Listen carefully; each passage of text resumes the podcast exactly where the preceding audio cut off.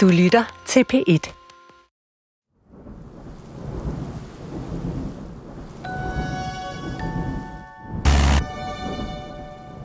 Jeg havde en eller anden idé om, at det ville gå helt galt.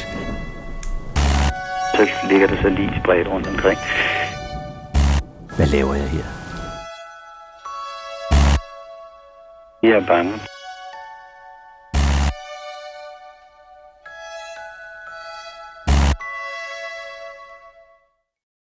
Den 6. april 1994, der sad jeg i køkkenet i Kenya sammen med min kone og vores nyfødte søn. Og vi sidder ved køkkenbordet og lytter på vores kortbølgeradio. BBC i London. Og der får vi at vide, at øh, præsidentens fly i Rwanda er faldet ned. Og at der er skudsalver i byen. Der havde været sådan nogle, ikke totalt folkedrab, men drab. Og jeg havde bare sådan en fornemmelse af, uh, det her, det bliver grimt. Det skulle vise sig at blive grimt i mere end en forstand for den million mennesker, der endte med at dø i folkemordet i Rwanda, men også for hele mig, som er min kone og min journalistkollega. Og min mand, Jørgen Stjerneklar, kameramand og reporter. En historie, som satte sig veje spor i vores liv. Og i vores arbejde.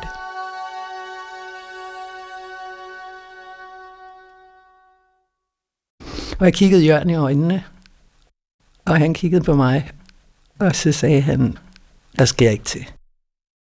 Jeg var sådan meget sikker på, at når det er en historie, vi kan sidde og følge herovre fra Kenya, Nairobi, og, og så ikke beskæftige os mere med den, fordi at øh, det ville helt sikkert blive for voldsomt.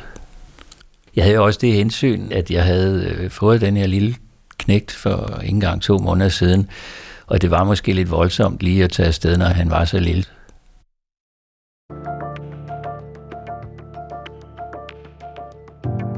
To dage efter, så er Jørgen inde i Nairobi på arbejde. Og så besøger jeg nogen, jeg arbejder sammen med, der bliver jeg så ringet op af en fixer fra amerikansk tv, tv-stationen ABC, der spørger, om jeg har lyst til at tage til Rwanda for dem. De vil meget gerne høre mig, fordi de har svært ved at finde nogen, der enten kan eller tør. Og så siger jeg til ham, at øh, det vil jeg lige tænke over. Og jeg skal så ringe tilbage inden for en time, fordi det skal gå stærkt. Og så skal jeg selvfølgelig ringe hjem til Helle og spørge, om det er i orden. Men det gør jeg ikke.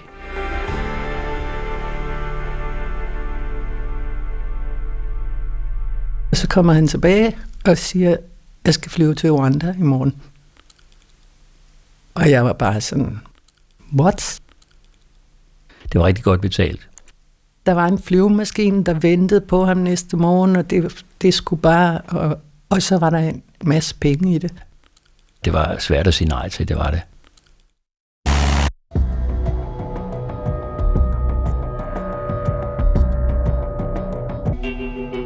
Så han tog afsted lørdag morgen.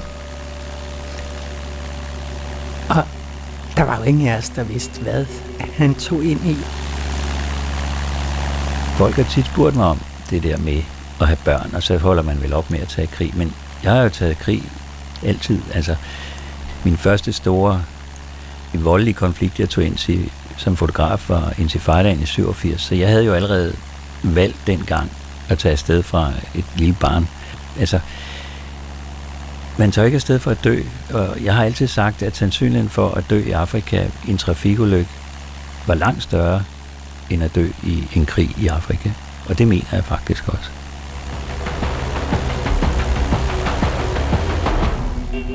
Jeg lander i Burundi, så tager jeg sig ind på hotellet.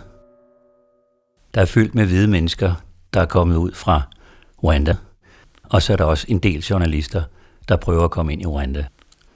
Så hen på aftenen, så sætter vi os sammen, en flok journalister, og taler om, hvordan vi kan komme bedst ind dagen efter. Og så var jeg jo i kontakt med ham løbende. Han kunne ringe fra Burundi, der hvor han landede med flyveren først.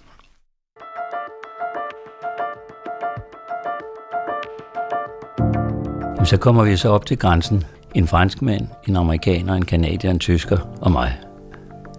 Og der er så en masse biler på vej ud. Der er ikke nogen på vej ind overhovedet. Fortrinsvis fyldt med hvide mennesker. Dem snakker vi med. Vi går langs øh, kortesen og hører, om der er nogen, der vil interviews. Og de fortæller nogle forfærdelige historier af dem, der godt vil fortælle noget. Ved grænsen står den tyske journalist af, efter vi har snakket med alle de her folk. Vi kan ikke komme ind i landet, for der er ikke nogen på vej ind. Indtil lige før solnedgang, der kommer så en, en fransk præst med en minibus fyldt med nonner. Det er Tutsier, fortæller han os, og han prøver at få dem ud af Rwanda, men det kan han ikke. Så han bliver nødt til at sige, at de skal med tilbage, og så tilbyder han også et lift op til Butare. Så bliver vi så stoppet ind i den i forvejen fyldte minibus. Jeg sidder på skød af nonnen for første og sidste gang i mit liv, og han kører så op til byens hotel, der hedder Ibis, hvor vi bliver sat af. Og så siger han, I, I kan gå ind og snakke med, med ejeren der, er helt sikker på, at han har plads til, at I kan bo der.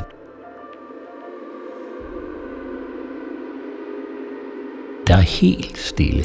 Der er ikke et menneske, der er ikke en kat, der er ikke en hund, der er ingen ting, der rører sig i gadebilledet. Vi kommer ind.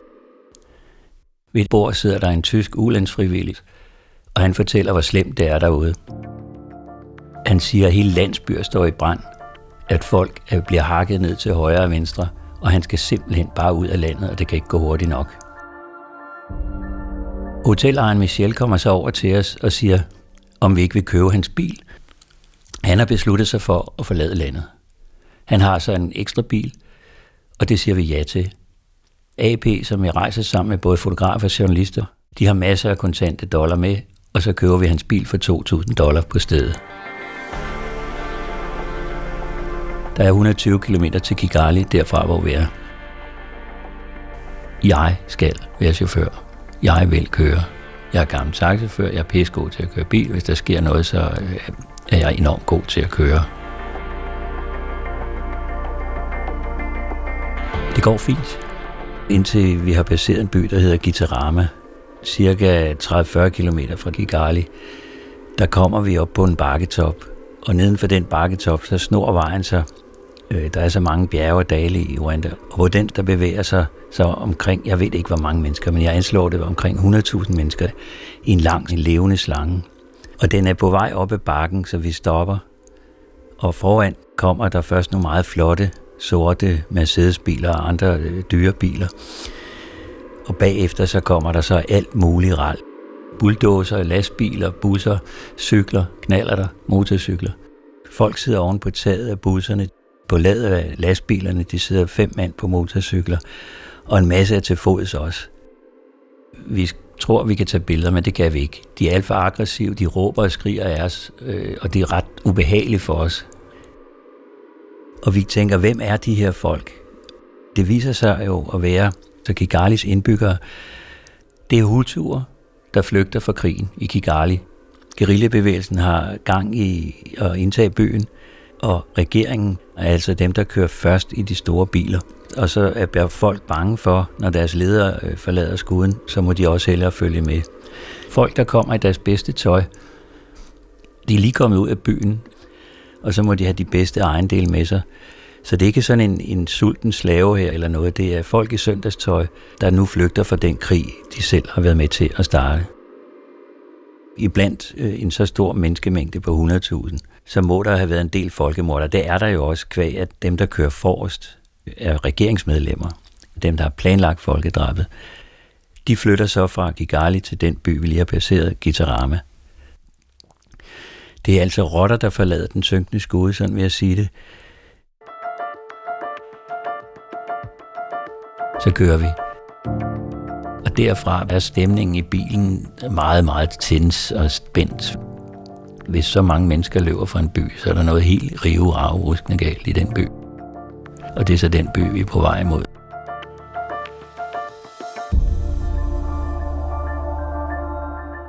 Så er vi kommet forbi den menneskemængde, og omkring 5 km fra centrum, hvor der så begynder at komme roadblocks, vejspærringer. Den første er bemandet af ruandiske soldater i uniform. Vi får lov at stoppe, og filme. Vi kan høre, at de skyder øh, de folk, der prøver at gå udenom, og der ligger lige ved siden af den vejspæring. Og så det er en kaptajn, der, der ligesom kan se, når de her journalister, hvis de skal igennem de mange vejspæringer, som han ved, der er på vej ind til centrum, så skal de have noget assistance. Så han sætter fire af sine mænd op på ladet af en pickup og siger, det her er vores eskorte. De kører ind til Hotel Milkolin, som ligger inde i byens centrum. Så det sidste 5 km har vi en militær eskorte, hvor vi kommer igennem rigtig mange af de der vejspæringer.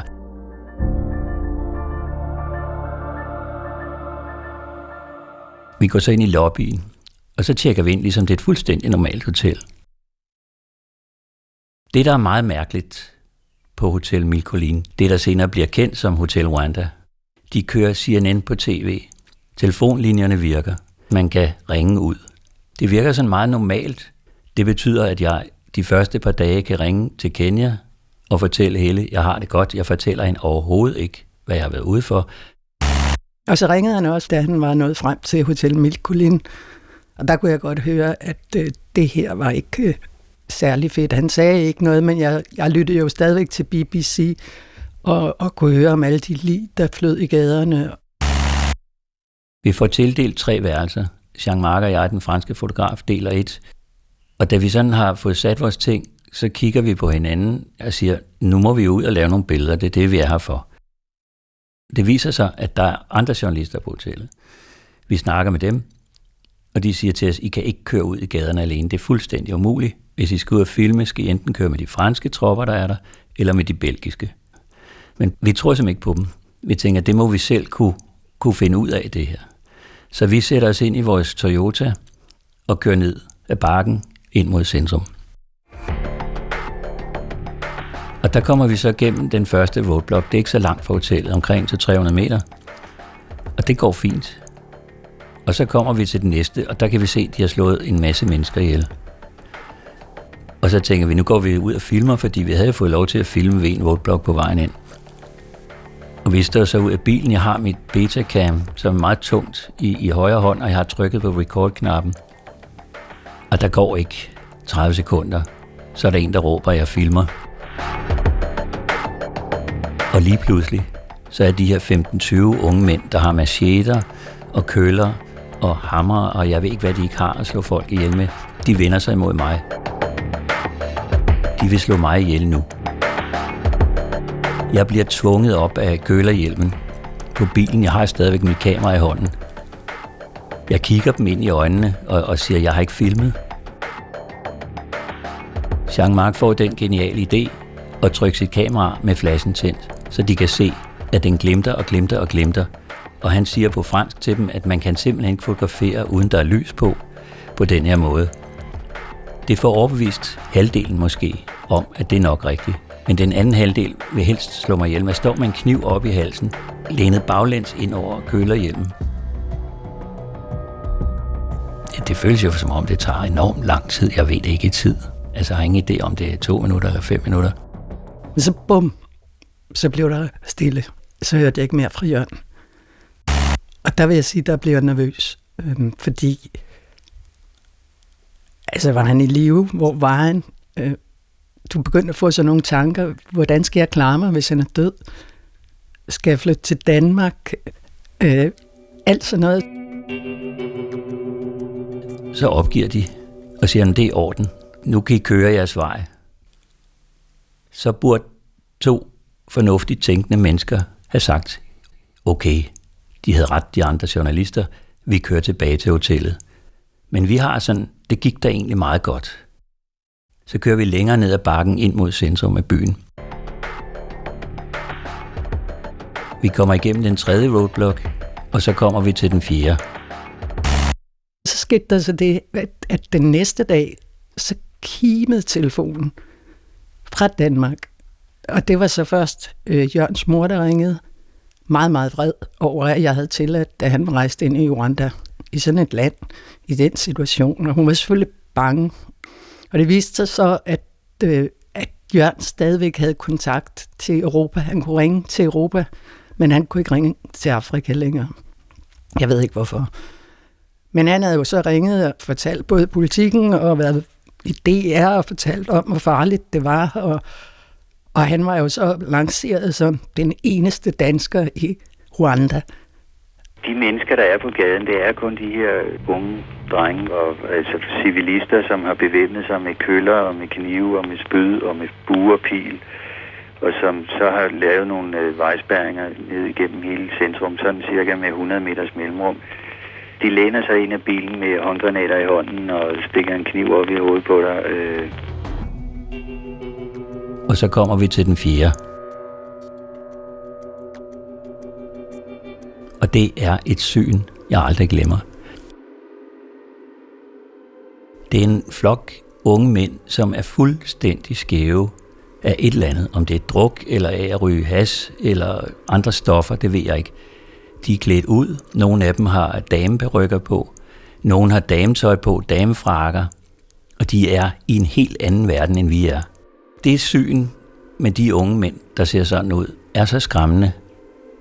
Det er noget, vi aldrig har set før. At vi ikke tør at køre videre. Vi har en masse cigaretter med, som vi deler ud, og vi smiler pænt til dem, og vi snakker pænt med dem. Så vi vender om, og så er det, at vi faktisk bliver rigtig bange begge to, fordi vi ved, at vi skal tilbage igennem den roadblock, hvor de vil slå mig ihjel. Men det er noget med at, bevare sig god humør og smile. Og... Er stemningen vendt? Har de fået snakket noget mere sammen? Det er Frygtelig, fordi vi ved, hvem de er. Men heldigvis, da de ser bilen, så åbner de bare. Det er så bare sådan en, en, en stang, de har lagt over vejen. Og så kører vi igennem og vinker og smiler til dem. Og så kommer vi tilbage til Hotel Milkolin uden problemer.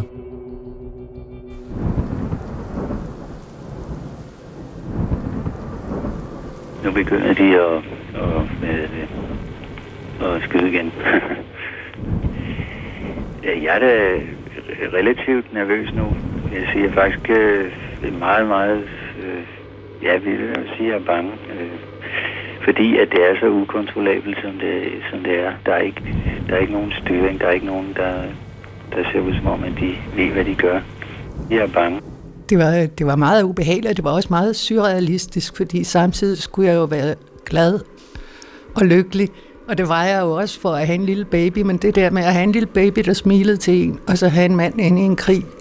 Og så ligger der så lige spredt rundt omkring. Jeg kan se hvad, hvad, med mine egne øjne, der er slået mange mennesker ihjel, men om, om det er 10.000 eller 20.000, eller det ved jeg ikke, men det skal nok være den størrelsesorden. Hotellet er jo fyldt med totier, der er bange for at dø. Angsten hviler som en tung dyne hen over hele hotellet. Der er nogle ganske få hvide, der ikke er blevet evakueret, og så er vi i alt 11 pressefolk. Hotellet prøver at få det til at køre som om, at det er en normal dag. Vi får at vide, at vi kan få aftensmad i restauranten, som hedder Panorama, og som ligger oppe på toppen af hotellet. Og der går vi så op og indtager et meget beskedent måltid og får lov at dele en Fanta. Alle gardinerne er trukket for. Det der panoramaudsigt, der normalt er ud over byen, kan vi ikke se, men vi kan jo høre skudsalverne. Der er masser af maskinkanoner og maskingeværer, man kan høre indkommende og udgående montere. Og det med det baggrundstæppe, jeg lægger mig til at sove den første nat.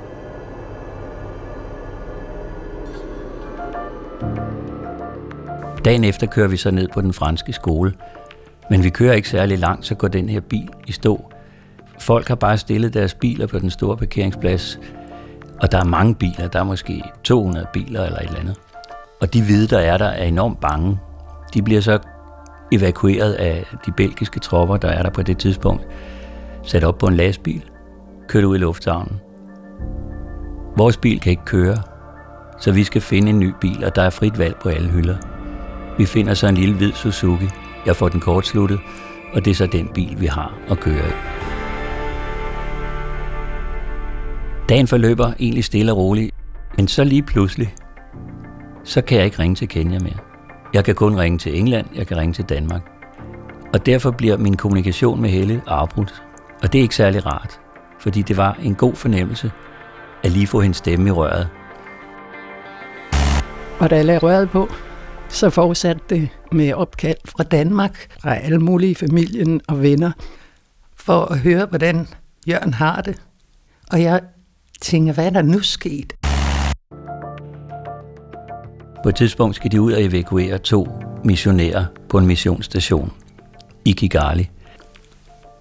Vi hugger op med dem. De kører på to lastbiler, og så er der vores bil og en anden journalist, der også har en bil. Så vi er sådan en lille kortege, der kører igennem byen. Og der kommer vi jo igennem alle de her vejspæringer, men fordi vi har de her svært bevæbnede belgiske soldater, så bliver der åbnet alle steder. Men det er med en meget ubehagelig stemning, fordi de hader virkelig belgierne. Så kommer vi frem til den her franske mission, hvor at det også igen er en fransk præst, der står for den. Han har gemt de her to belgiske missionærer. De skal så smules ud på lastbilen, så de ikke ser dem. Nede ved roadblocken med alle de der gale, svært bevæbnede hutuer, får de øje på de her to missionærer, og så begynder de at fløjte. Hvis der var nogen, der skulle slås ihjel, og folk lige var hjemme og spise, eller passe deres børn, eller hvad de nu gjorde, så fløjtede dem, der stod nede ved, ved vejspæringen, og fløjten betyder, nu skal I komme, nu skal I ud og slå ihjel. Og så samler der sig en masse folk, og lige pludselig er der en, der smider en håndgranat efter os. Den eksploderer ikke på os, fordi der er pænt langt derhen. Og så står de der og huder og skriger med deres macheter.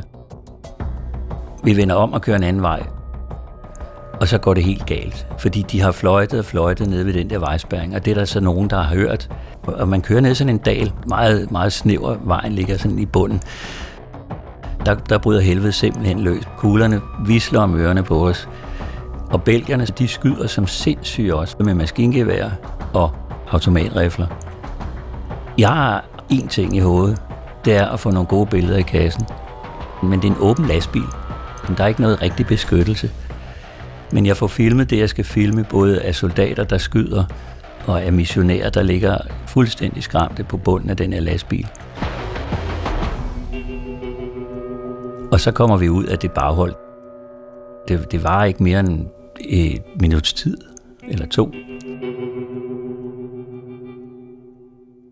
Så jeg bliver rystet. Den første dag er jeg ved at blive slået ihjel i en vejspæring, og, og her tredje dagen, der er jeg ved at miste livet i et baghold. Så får jeg kontakt med ABC, som er hans arbejdsgiver. Og af en eller anden grund kan han ringe til dem i London, og de kan så ringe til mig og sige, at han lever endnu.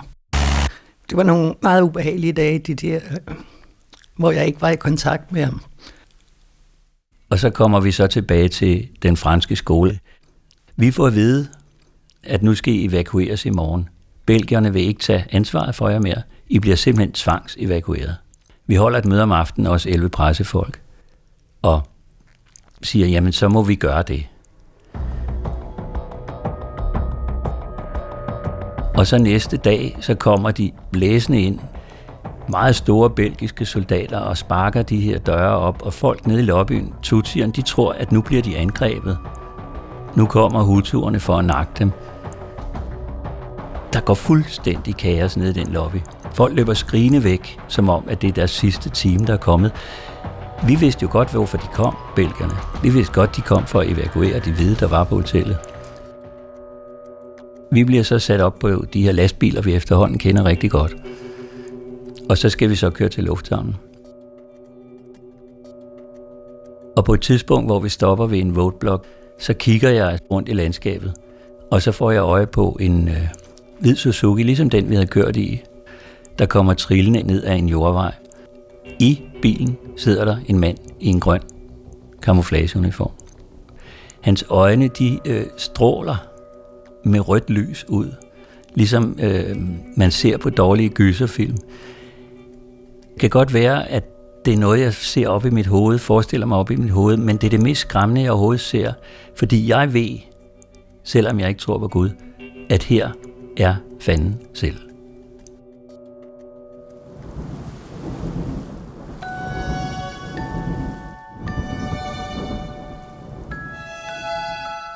Så kom han ret sent på aftenen øh, hjem. Og han var så træt.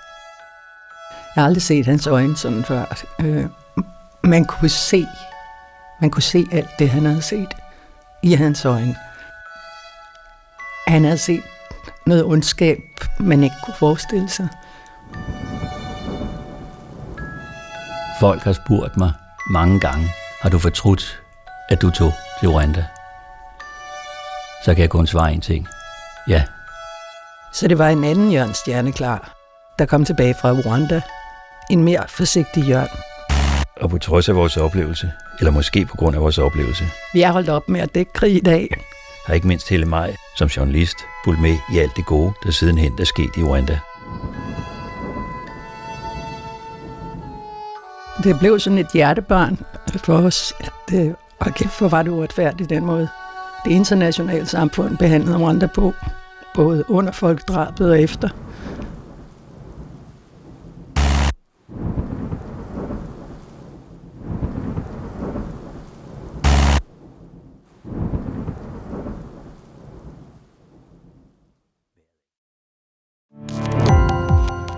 Gå på opdagelse i alle DR's podcast og radioprogrammer. I appen DR Lyd.